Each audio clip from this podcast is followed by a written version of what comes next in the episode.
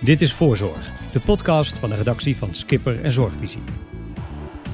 Hartelijk welkom bij een nieuwe aflevering van Voorzorg, de podcast voor de zorg. Dit keer kunt u luisteren naar een interview met Han Noten, die na acht jaar vertrekt als voorzitter Raad van Commissarissen van Espria, een van de grootste landelijke zorgaanbieders in de care. Hij was eerder voorzitter van Actis en zat namens de PvdA in de Eerste Kamer. Hij praat over risicomijdend gedrag van zorgbestuurders en de vijandigheid in de samenleving jegens ouderenzorg en grote zorgaanbieders. Een interview door Bart Kiers.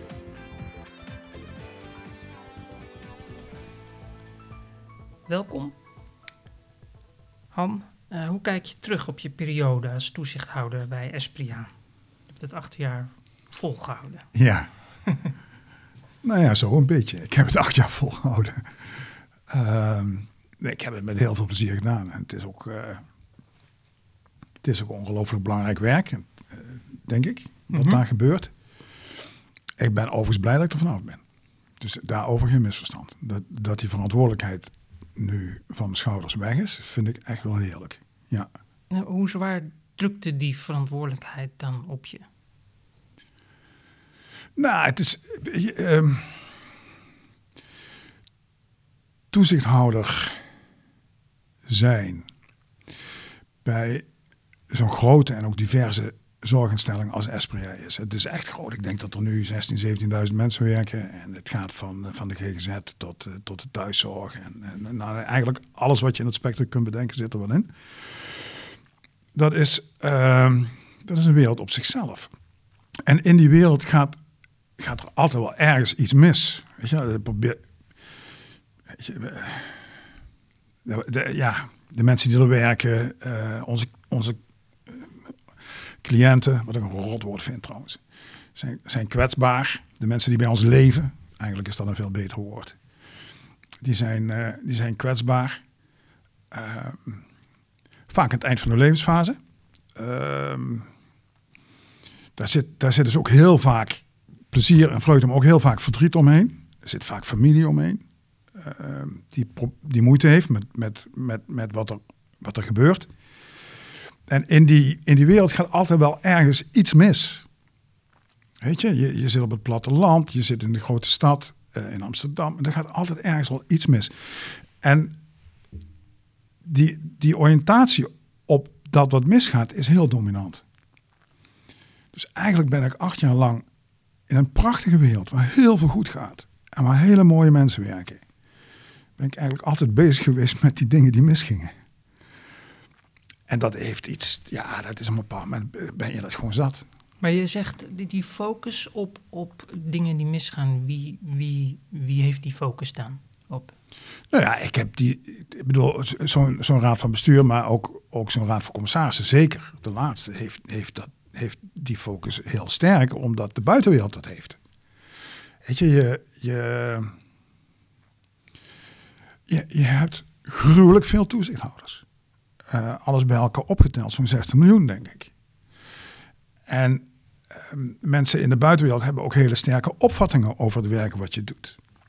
En ook vaak hele negatieve opvattingen. Ik, ik, ik heb het altijd heel bijzonder gevonden dat uh, de mensen die bij ons leven, dat die eigenlijk vaak heel tevreden zijn over wat er gebeurt. Blij zijn ook dat ze een plek hebben en, en, en vaak ook een mooie plek.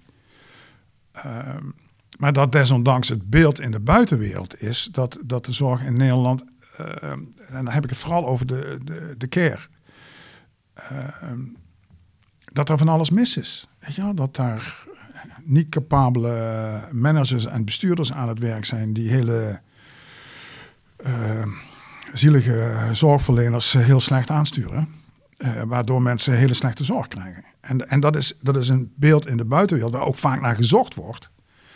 Wat zo, zo haak staat op hoe het in de werkelijkheid is. Door, door wie wordt er naar gezocht? Ikzelf.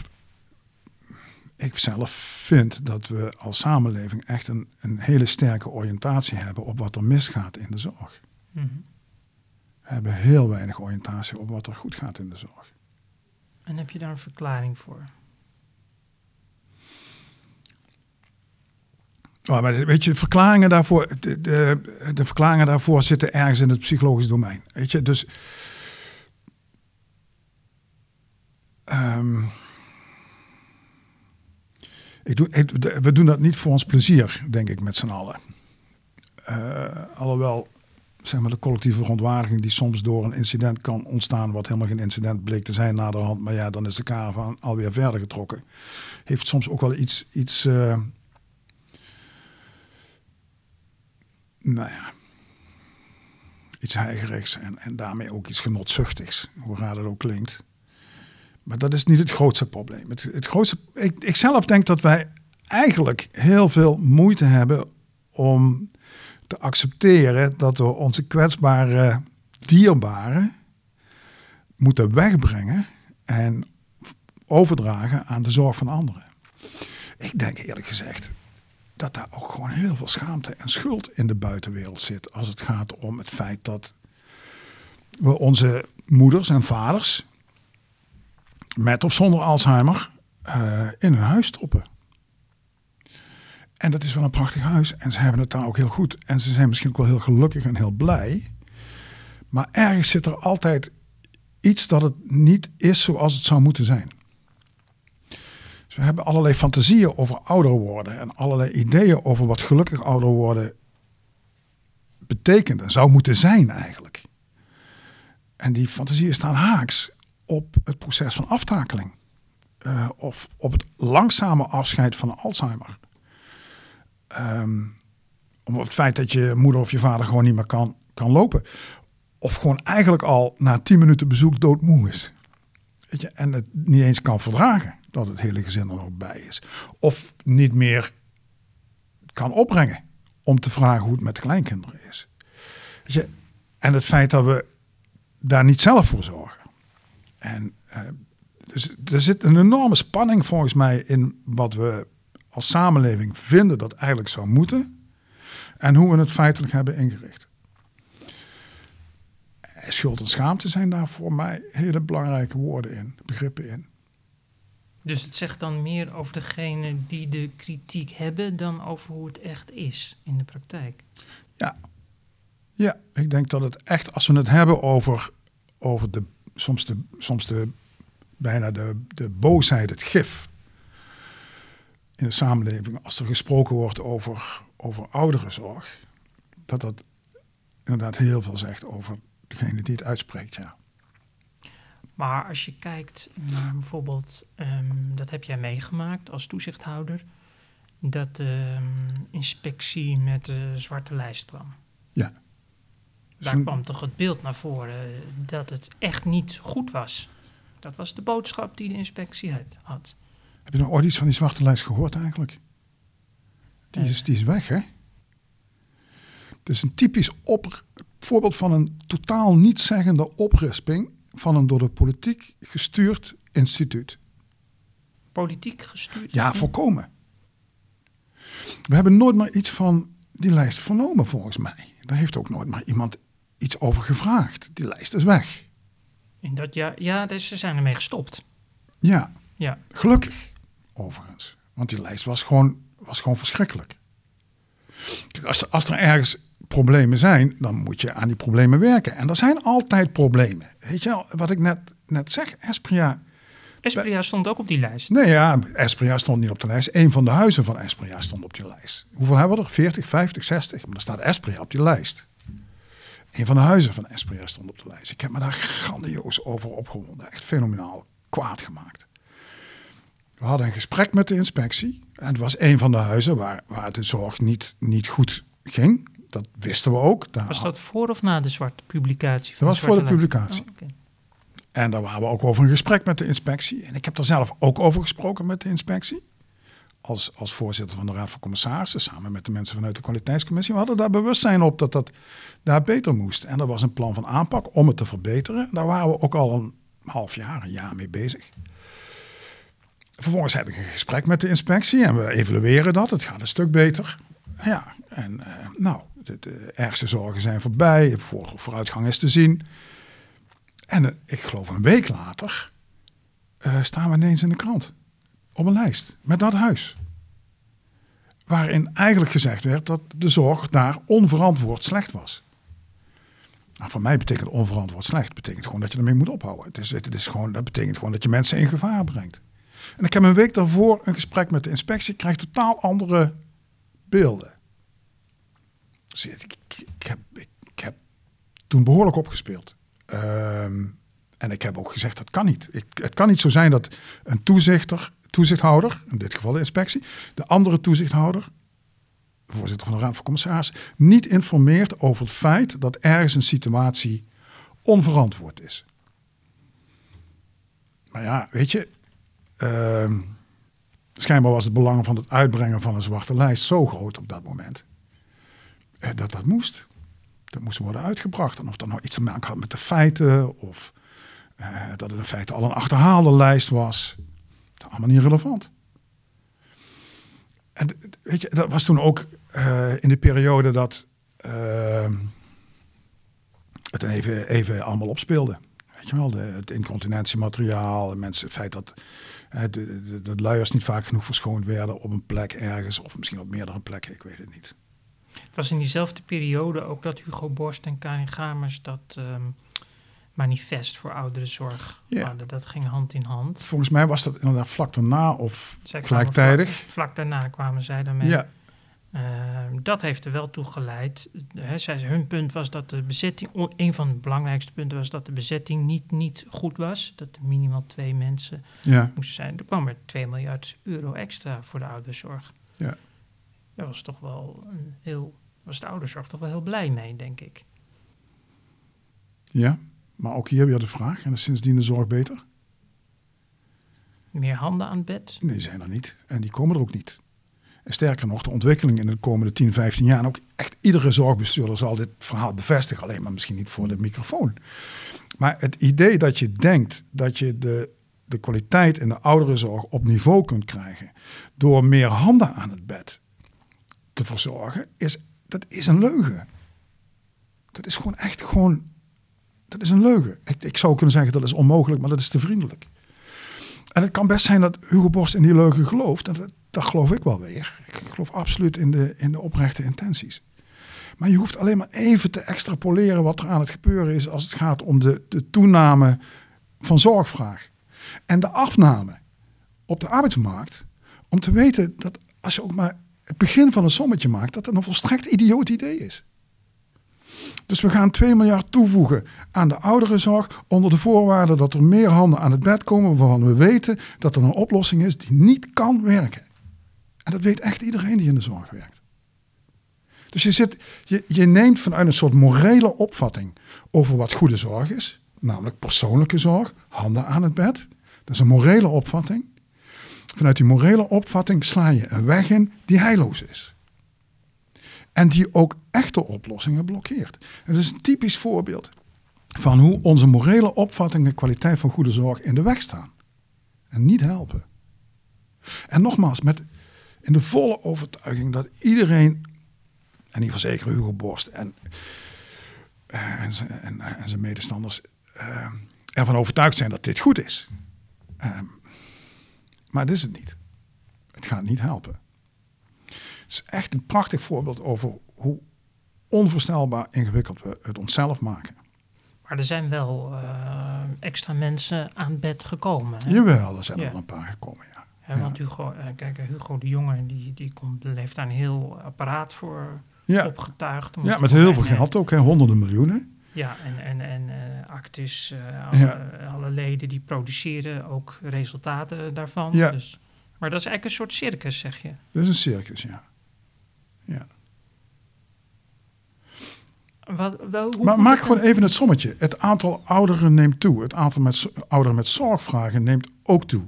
Het aantal mensen die beschikbaar zijn op de arbeidsmarkt neemt af. Overal in de wereld van de zorg hebben we enorme problemen om voldoende mensen te vinden. Of dat nou in ziekenhuis is, of bij mij op de ambulances, of het is uh, in de ouderenzorg. Dat probleem wordt alleen maar groter. Je hoeft alleen maar te extrapoleren gewoon, wat die twee ontwikkelingen zijn op termijn. En je kunt wel even tijdelijk met heel veel geld proberen om die, die uit elkaar lopende lijnen bij elkaar te brengen. Maar dat gaat je op de lange termijn gewoon niet lukken. Dat is toch wel heel raar dat er zo'n toneelstuk wordt opgevoerd eigenlijk. Heb, je ja, maar niet, heb jij niet zelf ook geprobeerd om dat binnen... Want je zit, hè, raad van commissarissen, voor, voor, voor, zit op een zat op een invloedrijke Heb je niet geprobeerd om dat een andere richting te geven dan? Ja, maar niet met meer handen aan het bed. Dus als je er een andere richting wilt plaatsen, moet je echt anders gaan nadenken over de aard van de zorg die je verleent. Daar, daar gaat het dan om. Weet je wel? Dus dan, dan moet je echt nadenken over hoe je misschien veel minder gesplitst zoals we dat nu doen, uh, probeert zorg weer terug te brengen naar een samenleving. En daarmee bedoel ik niet dat je mensen in hun eentje lang alleen thuis laat, en misschien onverantwoord lang alleen thuis laat. Maar dat je veel breder nadenkt wat mensen nodig hebben om fatsoenlijk zelfstandig te kunnen leven. Ik blijf dat woord leven gebruiken in plaats van zorg. Zorg is een verhullend begrip. Eh, zorg veronderstelt op een bepaald moment dat je mensen nog beter zou kunnen maken. Of, of, maar dat is helemaal niet zo. Het gaat om een andere levensfase. En de vraag is iedere keer weer opnieuw: hoe kun je mensen zo gelukkig mogelijk in die andere levensfase helpen om te leven? Dat is niet per se gedomineerd door het zorgdomein. Het is zelfs helemaal niet gedomineerd door het zorgdomein. Weet je, dan gaat het ook echt om de vraag welke hulpmiddelen kun je inzetten. Dan zit je, ik zit dan veel eerder aan technologie te denken hoor. Weet je, ik bedoel, mijn vrouw en ik werken alle twee. De wasmachine eh, stelde ons in staat om dat te doen. En de stofzuiger. Als we die niet hadden, hadden we een probleem. Het is niet, ik bedoel, dat is bij ouderen niet anders. Welke, welke dingen kun je doen om ervoor te zorgen dat iemand bijvoorbeeld beginnende Alzheimer langer thuis kan blijven? Wat hij of zij graag wil. Dat zijn vragen, maar die los je niet op met meer handen. Die los je op met bijvoorbeeld technologie. Gebieden waarop niet of nauwelijks geïnvesteerd is in de afgelopen jaren. Ik had liever gehad dat een deel van die 2 miljard daar naartoe was gegaan. Dat het zou gaan over uh, valdetectiesystemen. Dat het zou gaan over uh, hulpmiddelen bij medicijntoediening. En ik bedoel, het is hartstikke mooi hoor, dat, dat rolletje wat we nu hebben. Maar het is echt uiteindelijk voor mensen die alleen willen wonen onvoldoende. Ik had het fijn gevonden als we zouden investeren in alternatieven voor steunkozen. Een van de grote belemmeringen voor mensen, hè? om voor zichzelf of alleen te kunnen blijven leven. Een van de grote uh, urenvreter van thuiszorg. Nou, dat uh, doen we allemaal niet. Meer handen aan het bed, dat is de oplossing. En daarvan denk ik dan, ja, weet je, hoe mooi en goed bedoeld ook, die gaat ons niet verder brengen. En als je nu naar de coronacrisis kijkt en de ouderenzorg, wat zijn de, de belangrijkste lessen dan? Nou, waarschijnlijk is het veel te vroeg om daar lessen uit te trekken. Ehm, en het, het, ik heb het wel uh, fascinerend gevonden, leerzaam in die zin ook, dat nogal wat onderzoeken uitwijzen dat voor grote groepen ouderen, uh, wat je bijna zou kunnen zeggen, de relatieve rust in de verpleegtehuizen, uh, de grote groepen ouderen is dat als een zegen ervaren. Medicijngebruik is, is afgenomen. De rust? Uh... Nou ja, het feit dat er geen bezoek kwam. Door het bezoekverbod? Ja. Oké. Ja, ja. En, en natuurlijk vanuit jouw en mijn perspectief, ja, dan denk ik bij in termen van eenzaamheid en, en, en, en het feit dat, dat, dat ouderen hun, hun kinderen niet kunnen zien en kinderen hun ouders niet. En dat dat dus vreselijk is. Ehm, en dat is vast een deel van, van de werkelijkheid. Een ander deel van de werkelijkheid is dat het medicijngebruik enorm is afgenomen.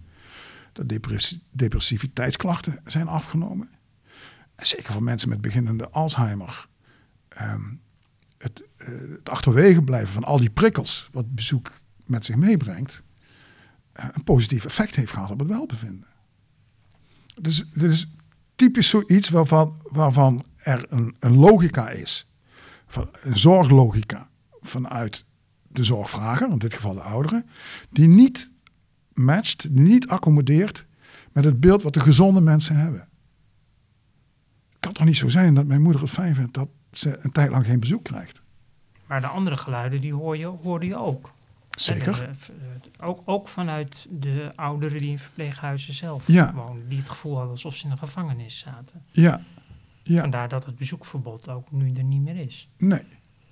Nee, die, die geluiden hoorde je ook. En die geluiden waren ook verreweg dominant. De getallen zeggen andere dingen. Het gaat toch altijd om de vraag: hoe groot is de ene groep, hoe groot is de andere groep? En met z'n allen vinden wij het makkelijker, wij gezonde mensen, om te begrijpen dat iemand het erg vindt om alleen te zijn, dan dat we het makkelijk vinden om te begrijpen dat iemand het fijn vindt om geen prikkels te hebben. Dat is wel de zorgwerkelijkheid. Weet je, en ja, dus de, de logica is niet zo eenduidig op dit punt.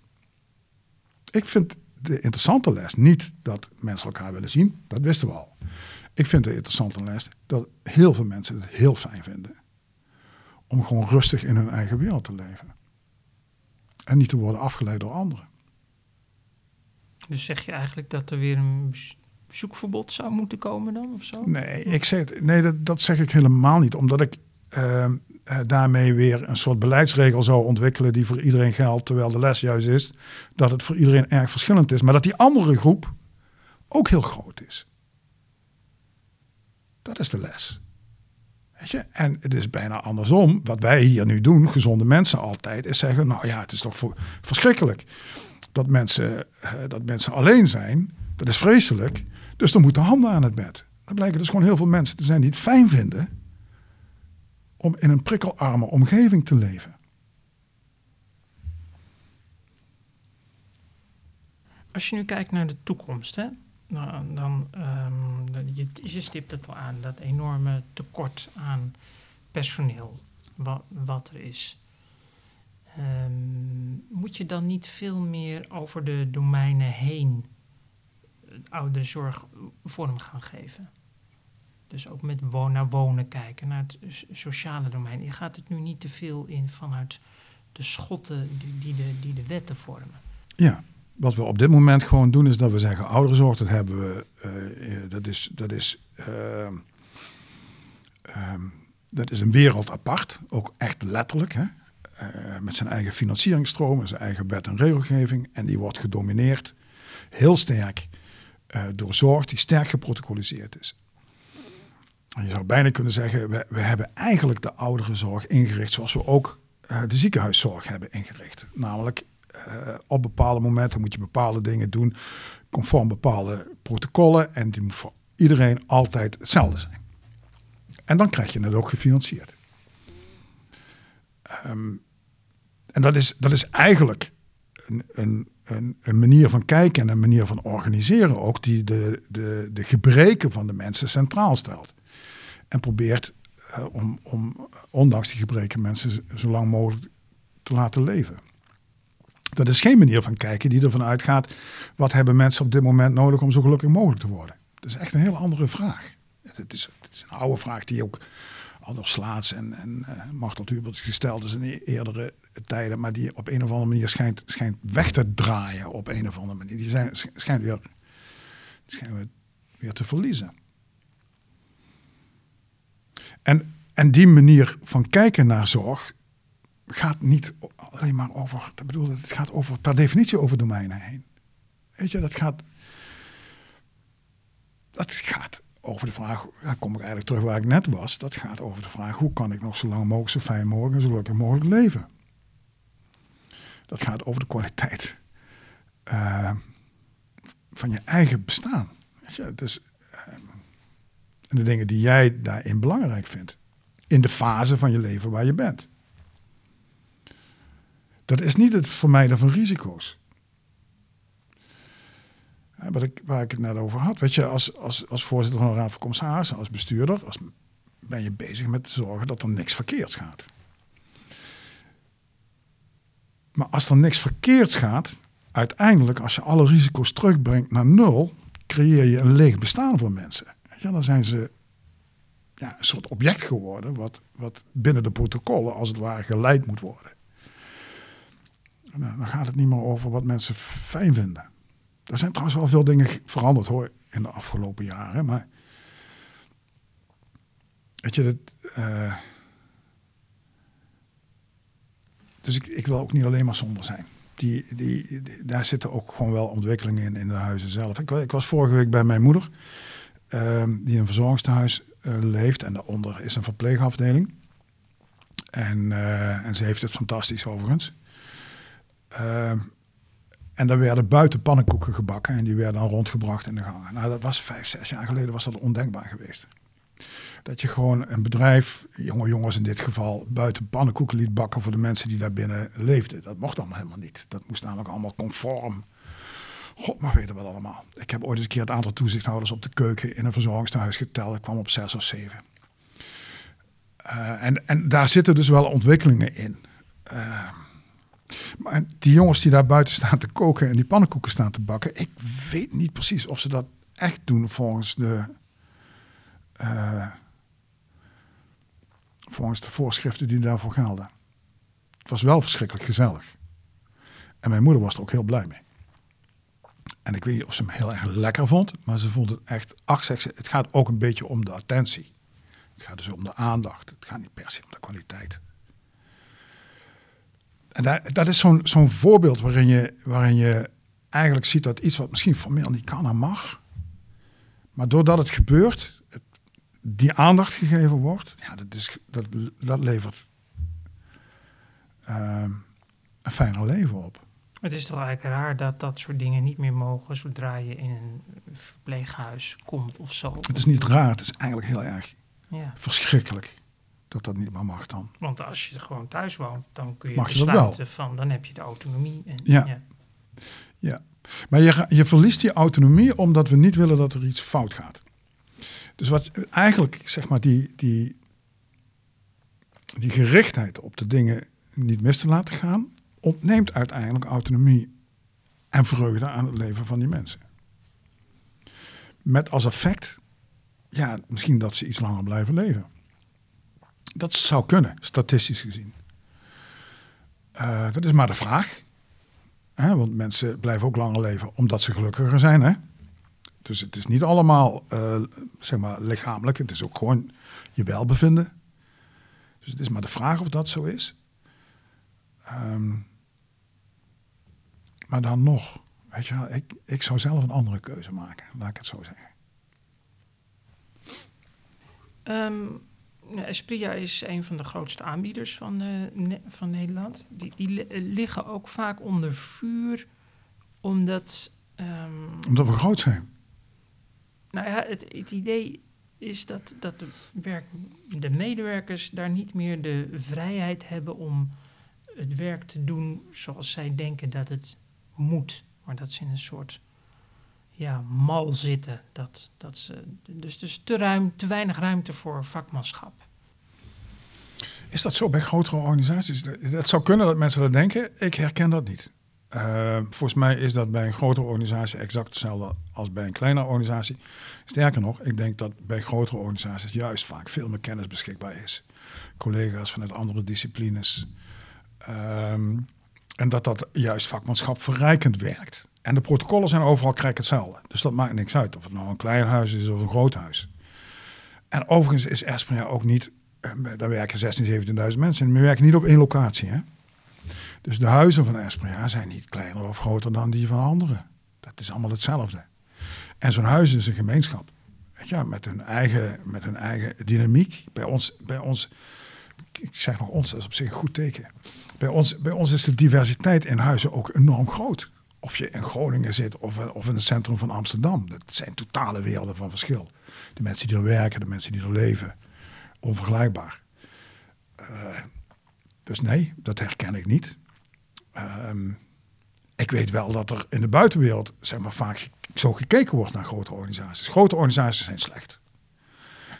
En waarom precies? Nou ja, omdat daar dikke managers lopen en dikke directeuren en die verdienen veel. En, uh, en daarom zijn ze slecht. Uh, en dat is, dat is ik, ik vind dat van een, van een, ja, van een soort, soort, ja, het is, ja. Ik, vind dat raar, laat ik het zo zeggen. Uh, ik, ik, ik, denk juist dat grote organisaties als Espria een hele belangrijke uh, rol vervullen in, in wat je bijna zou kunnen zeggen, de zorginfrastructuur. Als het gaat om 7 keer 24 uur beschikbaarheid, weet je wel, dat regelen wij echt overal. En een heleboel kleinere organisaties hebben daar veel meer moeite mee. Um, als het gaat om werken, werken op het, zeg maar, grote afstand, hè, weet je, in Groningen, als ik in een stedelijke omgeving een flatgebouw heb, dan kan ik daar vanuit de thuiszorg vrij makkelijk en efficiënt heel veel mensen helpen en bedienen. Als ik met mijn autootje voor hetzelfde tarief op het platteland in Groningen rond moet rijden, dan ben ik veel minder efficiënt en ook veel duurder. Er zijn genoeg zorgorganisaties die daar niet op kunnen inschrijven. Ik neem ze niet kwalijk, ze zijn gewoon veel te klein. En je ziet gewoon dat iedere keer dat als het gaat om dat soort kavels, dat soort activiteiten, je volkomen en volstrekt en volledig afhankelijk bent van de grote aanbieders. Dat zijn de enigen die dat kunnen, omdat ze het kunnen versmerten in het geheel. En uh, die infrastructuur in stand kunnen houden. Dus mijn, ik zie eerlijk gezegd geen enkel nadeel van grote organisaties. En ik zie wel een onvoorstelbaar groot voordeel. Namelijk dat ze gewoon de zorg beschikbaar houden, toegankelijk houden. Voor hele grote groepen mensen in Nederland. En kleine aanbieders kunnen dat überhaupt niet. Al, al, die prima mensen die met z'n zessen of z'n zevenen ergens iets hebben opgericht. Uh, waar overigens het ook vaak misgaat. Uh, zeker als het gaat om uh, thuiszorg. die zijn niet in staat om die zorg zo gedifferentieerd aan te bieden. Als wij dat wel kunnen en ook doen.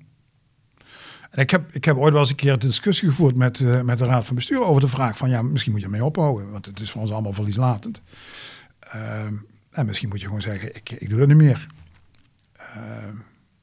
Gewoon als oefening ook. En ja, gewoon tegen een zorgverzekeraar zeggen, ja, je kunt wel van alles van ons vinden. Of tegen de samenleving zeggen, tegen de minister zeggen, of tegen de Kamer zeggen, jullie hebben een hekel aan grote organisaties, weet je wat, we splitsen ons op. En uh, we trekken ons terug in de stedelijke omgeving. Dat is allemaal veel beter. Voor ons. Het effect zou dramatisch zijn. Weet je, er zijn vijf, zes spelers in Nederland die in feite die rol vervullen, die die zorgcentrales uh, vormgeven. En als wij eruit zouden stappen en deze keuze zouden maken, zou de hele zorg in Nederland, de ouderenzorg op het platteland, volstrekt op zijn gat terechtkomen. Dus de werkelijkheid ligt echt andersom. Je vindt dus eigenlijk dat de grote organisaties daar onvoldoende ehm, waardering voor krijgen? Nou, dan hoef ik geen waardering. Hè? Uh, het, is, het, is, het is onze opgave. Waardering hoef ik daar niet voor. Maar ik wil er wel graag erkenning voor. Dat er bij het nadenken over beleid, het nadenken over hoe je omgaat met die organisaties, je realiseert dat daar een, een, een vitale functie wordt vervuld. Zonder welke het niet gaat. Weet je, ik, ben niet per se tegen marktwerking in de zorg. Ik denk dat, dat, dat differentiatie in aanbod ook innovatie in de hand werkt en vernieuwing. Uh, ik vind buurtzorg daar een voorbeeld van. Weet je, buurtzorg is voor mij het product van marktwerking. Buurtzorg heeft alleen maar kunnen ontstaan en groeien omdat er marktwerking is in dit land. Als we hadden moeten wachten tot er allerlei commissies bedacht hadden hoe het had gemoeten, was het er niet gekomen. dus zeggen marktwerking is per definitie fout, dat zul je mij niet horen doen. Maar, maar, maar wat je me wel hoort doen is dat je als je het, als je het over marktwerking hebt, je moet realiseren dat daarnaast zorg gewoon toegankelijk moet blijven en beschikbaar voor iedereen. En dat daarvoor een infrastructuur nodig is. En als die er bestaat, en die bestaat er op dit moment, dat je, daar, dat, je dat, dat je dat moet koesteren. En niet moet problematiseren. Wat ik overigens het kabinet nu ook niet meer hoor doen. Maar in het verleden wel. er zijn nog steeds politieke partijen die het ook doen. Die gewoon grote zorgorganisaties een probleem vinden. In plaats van de oplossing die ze zijn. Heb je nog een advies voor je opvolger? André Rauwvoet. Ja.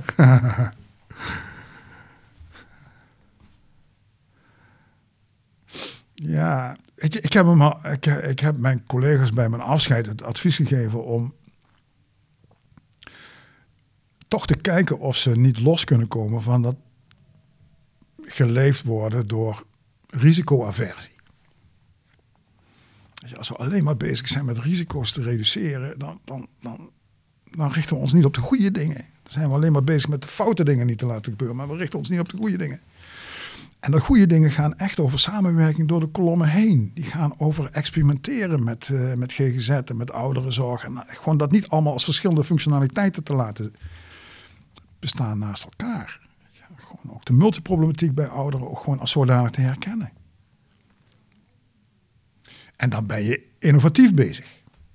En uh, Esprit heeft er wel geprobeerd in de afgelopen jaren. Dat is ook wel gelukt op een aantal punten. Maar ik vind het onvoldoende. En wij als uh, raad van commissarissen, ik als voorzitter van die raad van commissarissen, uh, hebben uiteindelijk gewoon te veel laten leiden door het negatieve. Uh, als ik terugkijk. Dus mijn advies was, ben minder risicoavers dan dat, dan dat ik geweest ben. Ik, ik weet niet of het me gaat lukken hoor. Maar in ieder geval de eerste paar jaar. Weet je, probeer het. Nou, dankjewel. Graag gedaan. Tot zover deze aflevering van Voorzorg. De muziek die u hoort is gemaakt door Bram Brouwers. De montage was ditmaal in handen van Hester Hinlopen. Als u op de hoogte wilt blijven van nieuwe afleveringen van deze podcast, kunt u zich via diverse podcast-apps abonneren. Voor nu, hartelijk dank voor het luisteren en heel graag tot de volgende Voorzorg.